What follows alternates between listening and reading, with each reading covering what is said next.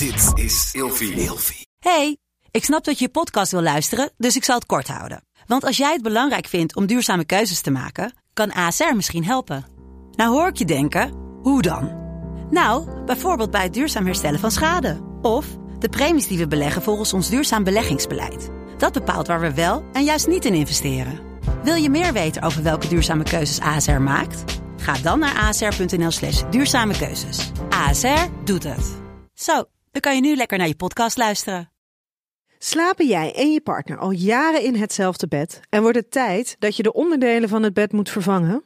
Dit is het perfecte moment om je gehele bed te vernieuwen. Je krijgt namelijk extra korting bovenop de lopende kortingen bij Emma Sleep met de code RELATIEVRAGEN in hoofdletters. Dus ga snel naar emmasleep.nl en bestel jouw bed. Hi, welkom bij deze podcast. Leuk dat je luistert. Mijn naam is Kokkie Drost en ik ben relatie-expert. Vandaag beantwoord ik de volgende vraag. Sinds we kinderen hebben, mis ik de aandacht van mijn man. Soms ben ik bang dat hij mij anders is gaan zien als de moeder van zijn kinderen. Niet meer als zijn, ja, zeg het maar even hoe ik het voel, zijn minnares. Hoe komt dit en hoe verander ik dit? Nou, wat leuk dat jij gewoon lekker ook de minnares van je man wilt zijn. Jouw man eh, weet niet wat hij mist, zou ik maar zeggen. Maar goed, het is wel eventjes een terechte vraag. Hoe zorg ik dat hij mij weer gewoon gaat zien als zijn vrouw en niet alleen als de moeder van zijn kinderen, wat je ongetwijfeld ook bent. Nou, om te beginnen lijkt het me heel verstandig dat jij hem dit eens eventjes aangeeft. Van hé, hey, ik ben heel blij dat je zo blij met mij bent als de moeder van je kinderen uh, en alles. Maar dat je ook behoefte hebt om door hem gezien te worden als, nou ja, zijn minnares, zijn vriendin. Weet je, het kan ook te maken hebben met een, bepaald verschil in seksuele behoeften. Dat er bij hem een knop is omgegaan. Dat hij denkt van ja, weet je, uh, mijn primaire taak is nu zorgen voor mijn gezin. Ik hoor deze namelijk ook regelmatig andersom voorbij komen. Dat juist de mannen verzuchten, nou mijn vrouw is alleen nog mijn moeder. Weet je, dus het is ook niet, niet iets wat, wat, nou ja, wat heel uitzonderlijk is. Er gebeurt nou eenmaal wat in je relatie als je kinderen krijgt. Dus dat eventjes ter troost. Weet je, het is niet, betekent niet meteen dat het uh, einde nabij is of zo. Er verandert wat als je kinderen krijgt. Maar het is wel heel goed om uh, dit op de agenda te zetten. In die zin dat je ook gewoon aangeeft bij je man van ja, ik vind het heel leuk dat we samen dit gezin runnen.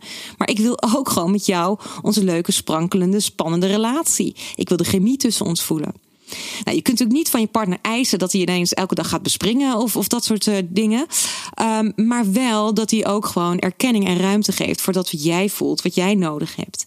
En ik denk dat het wat dat betreft uh, een heel leuk gesprek kan gaan worden. Wel is hierbij belangrijk dat je hem niet op een verwijtende manier aanspreekt, maar dat je het vooral brengt vanuit de verlangen vanuit jezelf. Uh, dat je ook de waardering uitspreekt over je gezin, over je kinderen.